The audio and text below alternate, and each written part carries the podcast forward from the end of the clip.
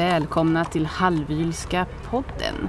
En podcast som normalt spelas in på Halvylska museet och där vi brukar utforska sekelskiftet i stort och smått med huset på Hamngatan 4 som en språngbräda. Det här är ett ganska ja, ovanligt avsnitt för vi är inte alls inne i Hallwylska museet. Nej, Ni vi kanske... är på äventyr. Det är vi. Ni kanske hör lite kringljud här. Eh, vi är på lite utflykt skulle man kunna säga. Jag, eh, Emelie Höglund och mina kollegor Asmara Neguse mm. och Frida Bovallius. Mm. Hej, hej. Vi har begett oss till Schweiz. Och anledningen till att vi befinner oss i Schweiz är för att vi är på tjänsteresa. Vi befinner oss på Schloss Hallwyl i kantonen Aargau, ungefär en timme utanför Zürich. Och vi besöker alltså Schloss Hallwyl på grund av att det är liksom Hallwylska museets systermuseum och eh, Wilhelmina von Hallwyl har haft en central roll i att det här har blivit ett museum.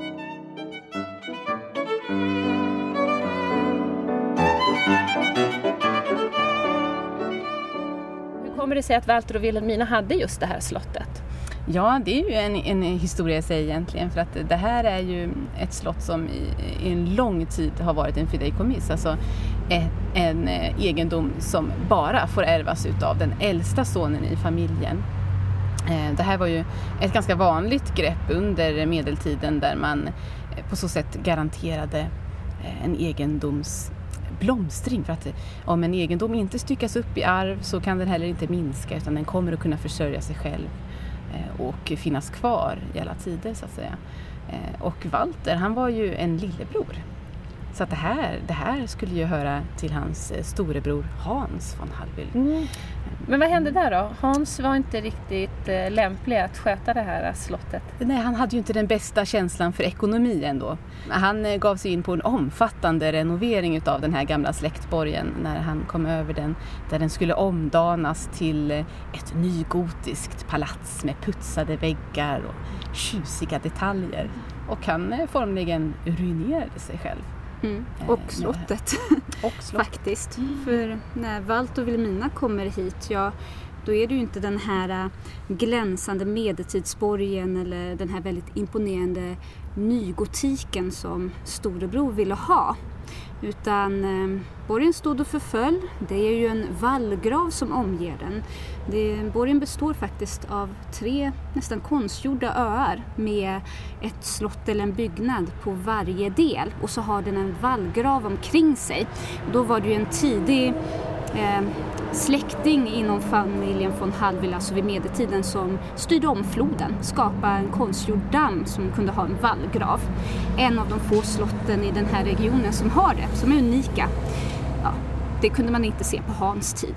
Vallgraven var ju helt uttorkad och igenbevuxen av skogen. Skogen hade tagit över halva borggården också.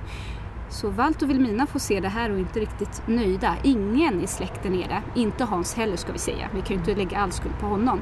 Utan då blir det mer eller mindre ett gemensamt beslut att Hans ska, ja, han ska släppa ansvaret. Han säljer borgen till Walter i och med att han har gift sig med Vilhelmina och fått in en förmögenhet i släkten. De ska nu rädda borgen. Mm. Mm. Och Wilhelmina, det första hon gör det är ju alltså att ta bort alla de här nygotiska detaljerna. Varför gör hon det? Därför att Hans, han tänkte ju bo här. Han bodde ju här under viss tid så han ville följa de senaste trenderna, imponera på sin samtid. Wilhelmina hade ju inget intresse för det. Nej, hon river ut det för hon vill ju visa den sanna naturen för borgen. Mm. Alltså den medeltida utformningen. Så hon vill blicka tillbaka och det är det vi får göra nu. Hon river ner vissa delar av slottet ända till grunden för att få ut alla nymodigheter Hans har lagt till. Och så sätter hon igång med en omfattande arkeologisk utgrävning som innefattar både borgen och vallgraven. Vallgraven, det är ju där vi hittar det mest spännande. Hon anställer en svensk arkeolog, eller arkeologistudent ska jag säga, Litberg. Det här blir hans stora chans att visa sina talanger. Eh, arbetet pågår ju i decennier egentligen. Och hela borggården, vallgraven, grävs ut. Man hittar föremål ända från ja, de första åren någon ens levde i området. Och när utgrävningen är klar, ja då restaureras hela borgen till sin forna medeltida glans. Vi ska väl säga i den medeltida visionen Vilhelmina hade. Mm. Och vi ska väl kanske lägga till att borgen byggs upp ungefär 11-1200-talet. Ja, precis. Och eh, Vilhelmina och Nils Litbergs arbete här, det var ju eh, Ja, det var banbrytande. Banbrytande, de var pionjärer inom det här. Mm. Eh, vill ni berätta lite grann om varför? Men dels var det väl det att eh, varje separat fynd märktes upp eh, med vad det var, vad det hittades. Mm. Och det, det, ser man inte i samtida arkeologi. Ja. Eller hur? Och sen var det ju också hur man rekonstruerade föremålen, att det var tydligt vad som var lagningar mm. och vad som var original. Någonting som, man, som, som är ett väldigt, väldigt vedertaget idag mm. men också då högst ovanligt. Då brukar man istället vilja skapa illusionen av ett helt mm. föremål. Och den här fantastiska arkeologiska samlingen den finns ju faktiskt på Landets museum inne i Zürich dit Wilhelmina eh, skänkte den. Mm. Hon skänkte alltså slottet till den schweiziska staten på samma sätt som eh, Hallwylska palatset på Hamngatan skänktes till den mm. svenska staten. Men inte med alla sina inventarier. Mm. Utan här finns en skillnad. Eh, det här är ju en borg utan isolering så att säga. Ja. Eh, här eh, är det vinter, ja, då, då är det kallt på riktigt och det här mår ju inte antikviteter särskilt väl utav. Utan, mm. eh, de föremålen som fanns här och det, de fynd som man hittade donerades istället till ett modernt museum mm. där de skulle visas upp mm, på ständig display. Ja. Precis, och det är en ganska speciell typ av display. Det kallas till och med för Hallwylrummet. Det är ett särskilt mm. rum som eh, man kan väl säga att Wilhelmina har formgivit. Kommer man och besöker Hallwylska eh, museet i Stockholm, kanske går in på Höskullen eller eh, Kinarummet eller någonting sånt där, då skulle man nog känna igen sig för att det, de eh, montrarna och så vidare finns kvar. Mm. eller fanns i alla fall det fram till bara något år sedan när de renoverade om. Men rummet är, ska byggas upp om ett, alldeles snart igen, om ungefär två år är det klart igen. Mm. Och då kan man alltså se det här Hallwylrummet helt intakt så som Wilhelmina har formgett det. Varje föremål tillbaka på exakt samma position. Mm. Mm. Och det är alltså det är glas och keramik, det är textilier, läder, läder, eh, läder skor berättade de också om. Mm. Eh, och så vidare. Men och det, det, var också roligt att höra att det var framstående samlingar, eller hur? Alltså att glassamlingen hör till Schweiz allra främsta eh, glassamling. Mm. När det kommer till medeltida glas, mm. precis. Det är rätt så unikt för sin tid. Och sen är det ju också, vi ska se att det inte är en slump heller, att rummet kommer återskapas exakt i detalj för Wilhelmina var noggrann med stadgarna med den här donationen också, som precis med vårt museum. Men här är det ännu hårdare. Ehm, museet här i Schweiz får alltså inte behålla de halviska samlingarna om de inte följer hennes stadgar till punkt och pricka och ett av dem är att rummet ska se ut exakt som hon har designat det. Mm hårda bud. Ja, visst. Mm. Och, och bryter de mot detta, då tillfaller samlingen ett museum i Bern istället. Mm. Så att de har ju ögonen på sig. Det gäller att, eh, att vara disciplinerade i detta. Och det kanske känns lite jobbigt när det är ens arbete men museet i Schweiz, precis som för oss på vår arbetsplats i Sverige så känner man en viss uppskattning ändå. De hårda reglerna har gjort att man har bevarat en hundraårig museimiljö intakt och det är fascinerande att se idag. Absolut. Mm, de flesta av våra besökare tycker det är spännande att få höra om det när de går på turer. Mm. Riktigt eh, hela samlingen med arkeologiska fynd finns ju inte på landets museum. Och det var någonting som var nytt för oss som vi fick lära oss mm. idag. Mm. Absolut, för att när, när eh, Nils Litberg och Wilhelmina tillsammans eh, ordnade den här utgrävningen på Schloss Hallwyl, då dikade man ju alltså ur vallgraven och tömde den på vatten. Eh, men fördämningen brast när 30 meter av vallgrav återstod. Mm. Eh, och man beslöt helt enkelt att inte göra om projektet för dessa sista 30 meter utan det var alldeles för stort. Mm för att ge sig på. Jag tror nästan man kan precisera och säga att Litberg valde att mm. inte fördämma igen. Om Vilhelmina var i närheten så tror jag det hade gjorts ändå. Mm. Men just de eh, fynden som faktiskt finns här i, i Schloss Hallwyl eh, de som, de hittade man just på de där sista 30 metrarna men det var en ganska spännande fynd som faktiskt säger ganska mycket om livet här i slottet. Det var mm. till exempel eh, leksaker, Absolut. matkärl, eh, dryckesflaskor och sådana saker. Ja, vi fick ju se några highlights och det var ju högst skärmiga föremål ändå får man säga. Små spelkulor i bärnsten och sten. Eh, backgammon-pjäs eh, fanns ju där. Det fanns kammar. Eh, det fanns saxar och mungigor, mm. dryckeskärl, trätallrikar. Så att man kunde föreställa sig vardagslivet här. Mm. Och det var ju tur det att de här sista 30 metrarna råkade ligga just under ett köksfönster. Eller hur? Mm. Så att det var någonting som gick åt pipan där inne i köket. Då kunde man kasta ut det som, som hade gått sönder genom fönstret rakt ner i vallgraven där de sedan då kunde hittas utav dagens forskare.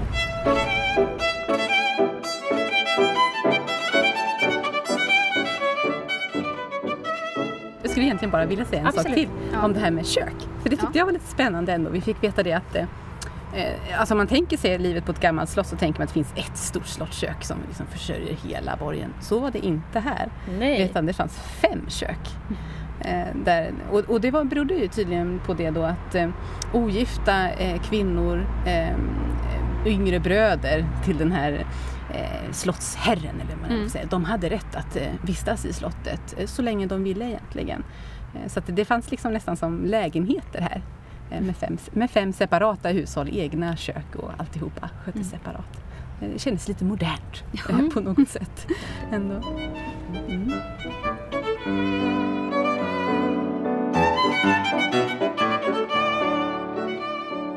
Under dagen har vi ju faktiskt också fått lära oss lite grann om eh, olika eh, människor som har levt här i borgen genom århundradena.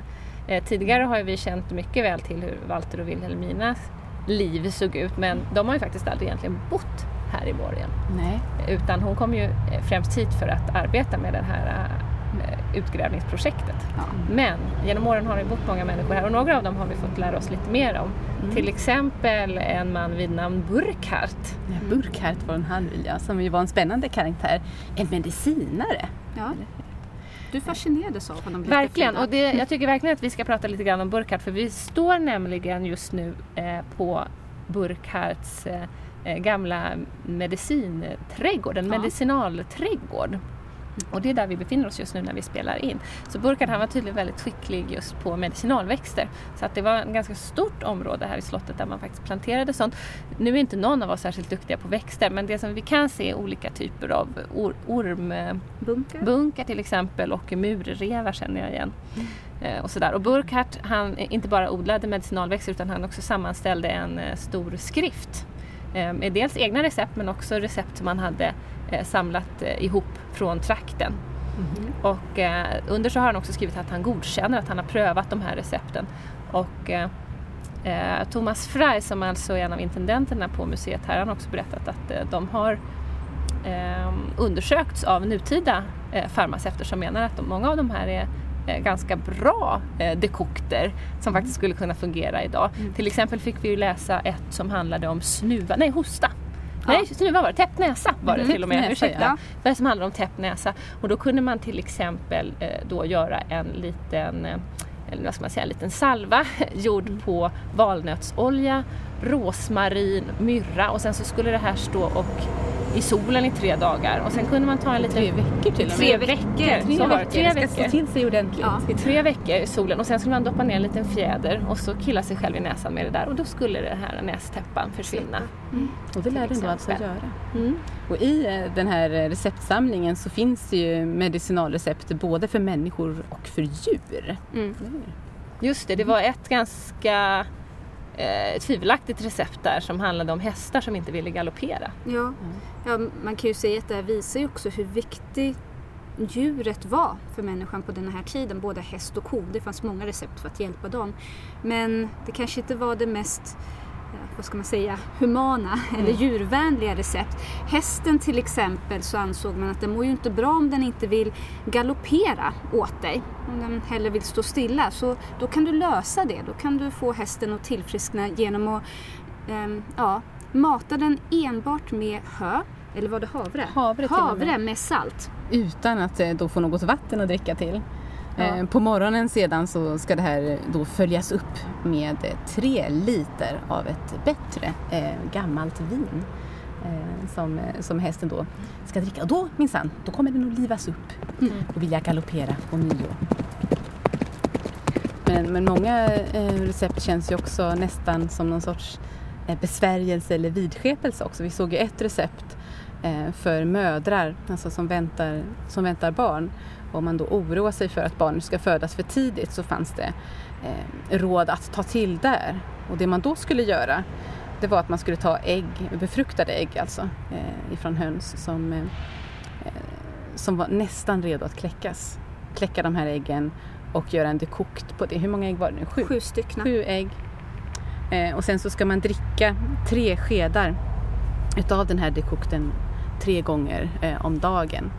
Och det skulle då garantera att barnet inte kom för tidigt utan kunde liksom, eh, växa till sig i lugn och ro eh, innan det var dags. Det, det är spännande, det säger också en del om eh, världsbilden men man hittar någonting som liknar det man är rädd för i naturen och sen använder man det för att skydda sig på något sätt. Mm. Det var väldigt många intressanta recept och lösningar för att få människor och djur att tillfriskna. Men det mest spännande var faktiskt själva boken, för min del. För när vi skulle släppas in på slottet där av intendenten Thomas Frey. Mm. mm. Ja, då skulle han låsa upp. Vi går över en vallgrav. Det är en ranglig träbro med rätt stora sprickor. Jag ville undvika att ramla där i. Och så räcker han över mig ett paket för han behöver båda händerna för att öppna dörren. Det tar jag godvilligt emot och så påpekar han bara lite förbifarten. Ja, snälla tappa inte det där i vattnet du för det är en 500 år gammal handskrift. Och det visar sig att det är just den medicinska boken som han då skulle sätta in i glasmontern igen efter ett utlån. Och det finns bara 15 stycken av den bevarade i hela världen. Boktyckarkonsten hade kommit vid den här tiden men man valde visst att bara eh, skriva av boken för hand. Mm. Så vi, jag fick hålla i en av 15. Mm. Men det är ändå fint att det finns mer än en eh, kopia av den här boken och det fanns ju en tanke med det också eh, där Burkhardt ville att det här skulle spridas till allmänheten. Det här skulle inte bara vara någonting för eh, hans nära och kära eller adelsfamiljerna i bekantskapskretsen utan det här skulle få spridning. Mm. Ett misstag där var ju då att inte låta trycka boken. Ja. Det hade gett den en större verkan. Men ett vittnesmål om, om medicinkonsten långt, långt bak i historien.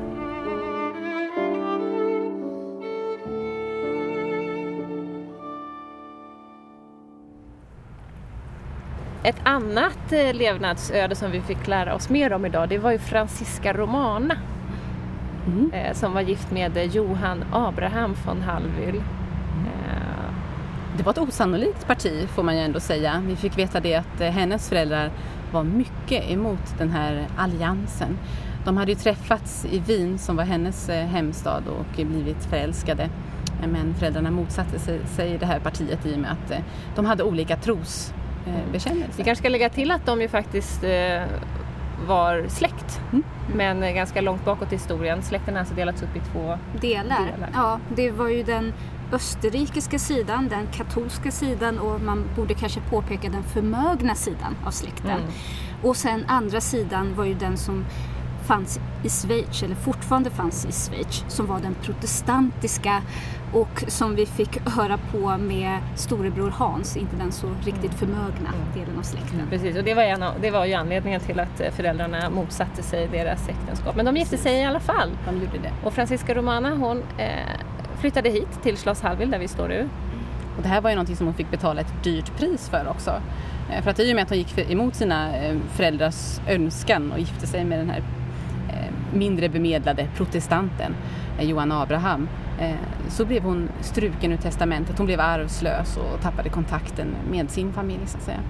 Och sen fick hon en ganska kort tid av lycka eh, här på Schloss Hallwyl för bara tre år efter eh, giftermålet så går Johan Abraham bort i tuberkulos. Också samma vecka eh, förlorar hon sin svärmor som visserligen dör av ålderdom men ändå var ett hårt slag för Franziska mm. Romana. Mm. Eh, så pass att det ju faktiskt också finns eh, bevarat anteckningar från det här där, där eh, traktens präst har beskrivit Franziska Romanas djupa sorg. Mm. Och sen kan man ju också förstå att det är en, inte bara en personlig sorg, det blir också en väldigt, vad ska vi säga, praktisk sorg i och med att som änka här i Schweiz på den tiden så är hon omyndig. Så det är någonting som skiljer dig ja, från Till och med som änka, hon hade alltså en förmyndare. Mm. I Sverige som änka så blev du faktiskt myndig som kvinna. Eh, så då kunde du i alla fall se till att försörja dig själv och ta hand om eventuella företag och egendomar. Men... Man kunde plocka upp tråden efter sin eh, frånlidne man. Exakt. Praktiskt mm. på sätt och vis.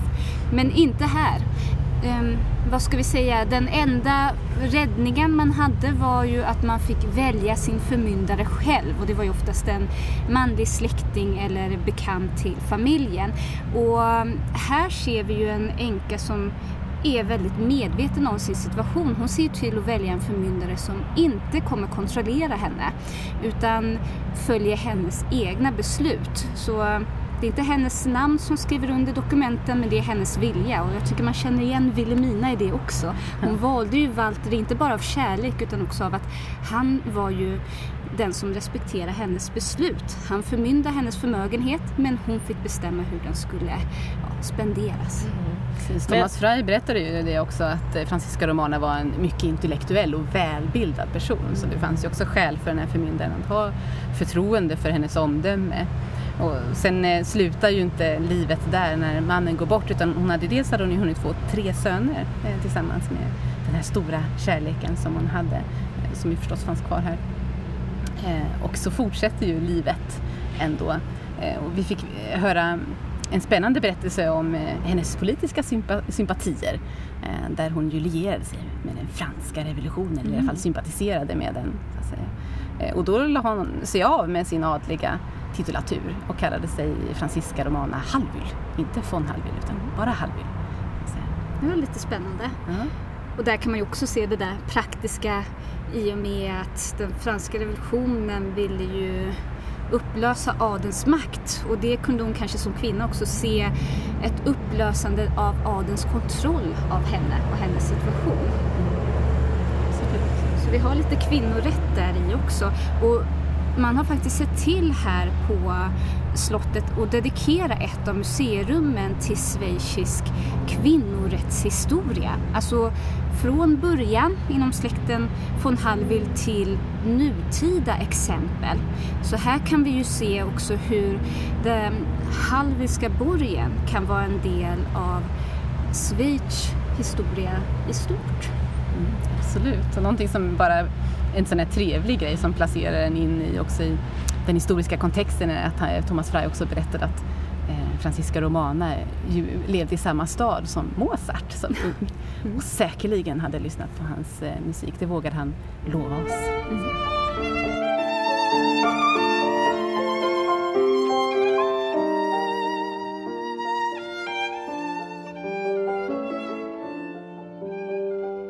Miljöer som vi har eh, rört oss i idag det är alltså inte originalmiljöer eftersom att alla möbler som har funnits här i huset de finns ju på landets museum just nu. Ja, det är ju så att Vilhelmina hade ju två olika museitankar här.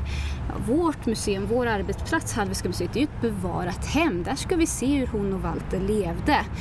Men Slottshalvvill. Här så ska vi ju faktiskt få se början, medeltiden och alla möbler som fanns här när Vilhelmina kom och ägde slottet. Det var ju alldeles för moderna. De var från hennes tid eller 1700-tal så det fick åka till museet. Här ska ni bara se medeltid. Det var hennes samhällsgärning helt enkelt. Hon donerar ju det här museet också till staten i Schweiz. Här får ni möta Schweiz medeltid hos oss får ni möta svensk sekelskifte. Och precis som att vi, Hallwylska museet, är mitt i stan, mitt i livet, en bevarad tidskapsel, så är ju slottet också här i Schweiz en liten tidskapsel i det moderna landskapet. Mm. Och det är ett eh, fantastiskt landskap som vi tittar ut över här på Schloss Hallwyls mur. Eh, vi är ju i, eh, ute på landsbygden utanför Zürich här nu Eh, solen skiner över åkrarna och kullarna och vi ser kor som betar och precis intill oss ligger en liten eh, landsväg. Och eh, jag tror att jag kommer att avrunda just med den bilden där. Jag hoppas att det har gått bra att lyssna på oss trots att vi befinner oss just bredvid den här landsvägen. Vi skickar varma hälsningar här ifrån Schloss Hallwyl. Jag tackar för mig. Frida heter jag och Emelie och Asmara säger Adjö. hej hej. På återhörande. Mm. På återhörande.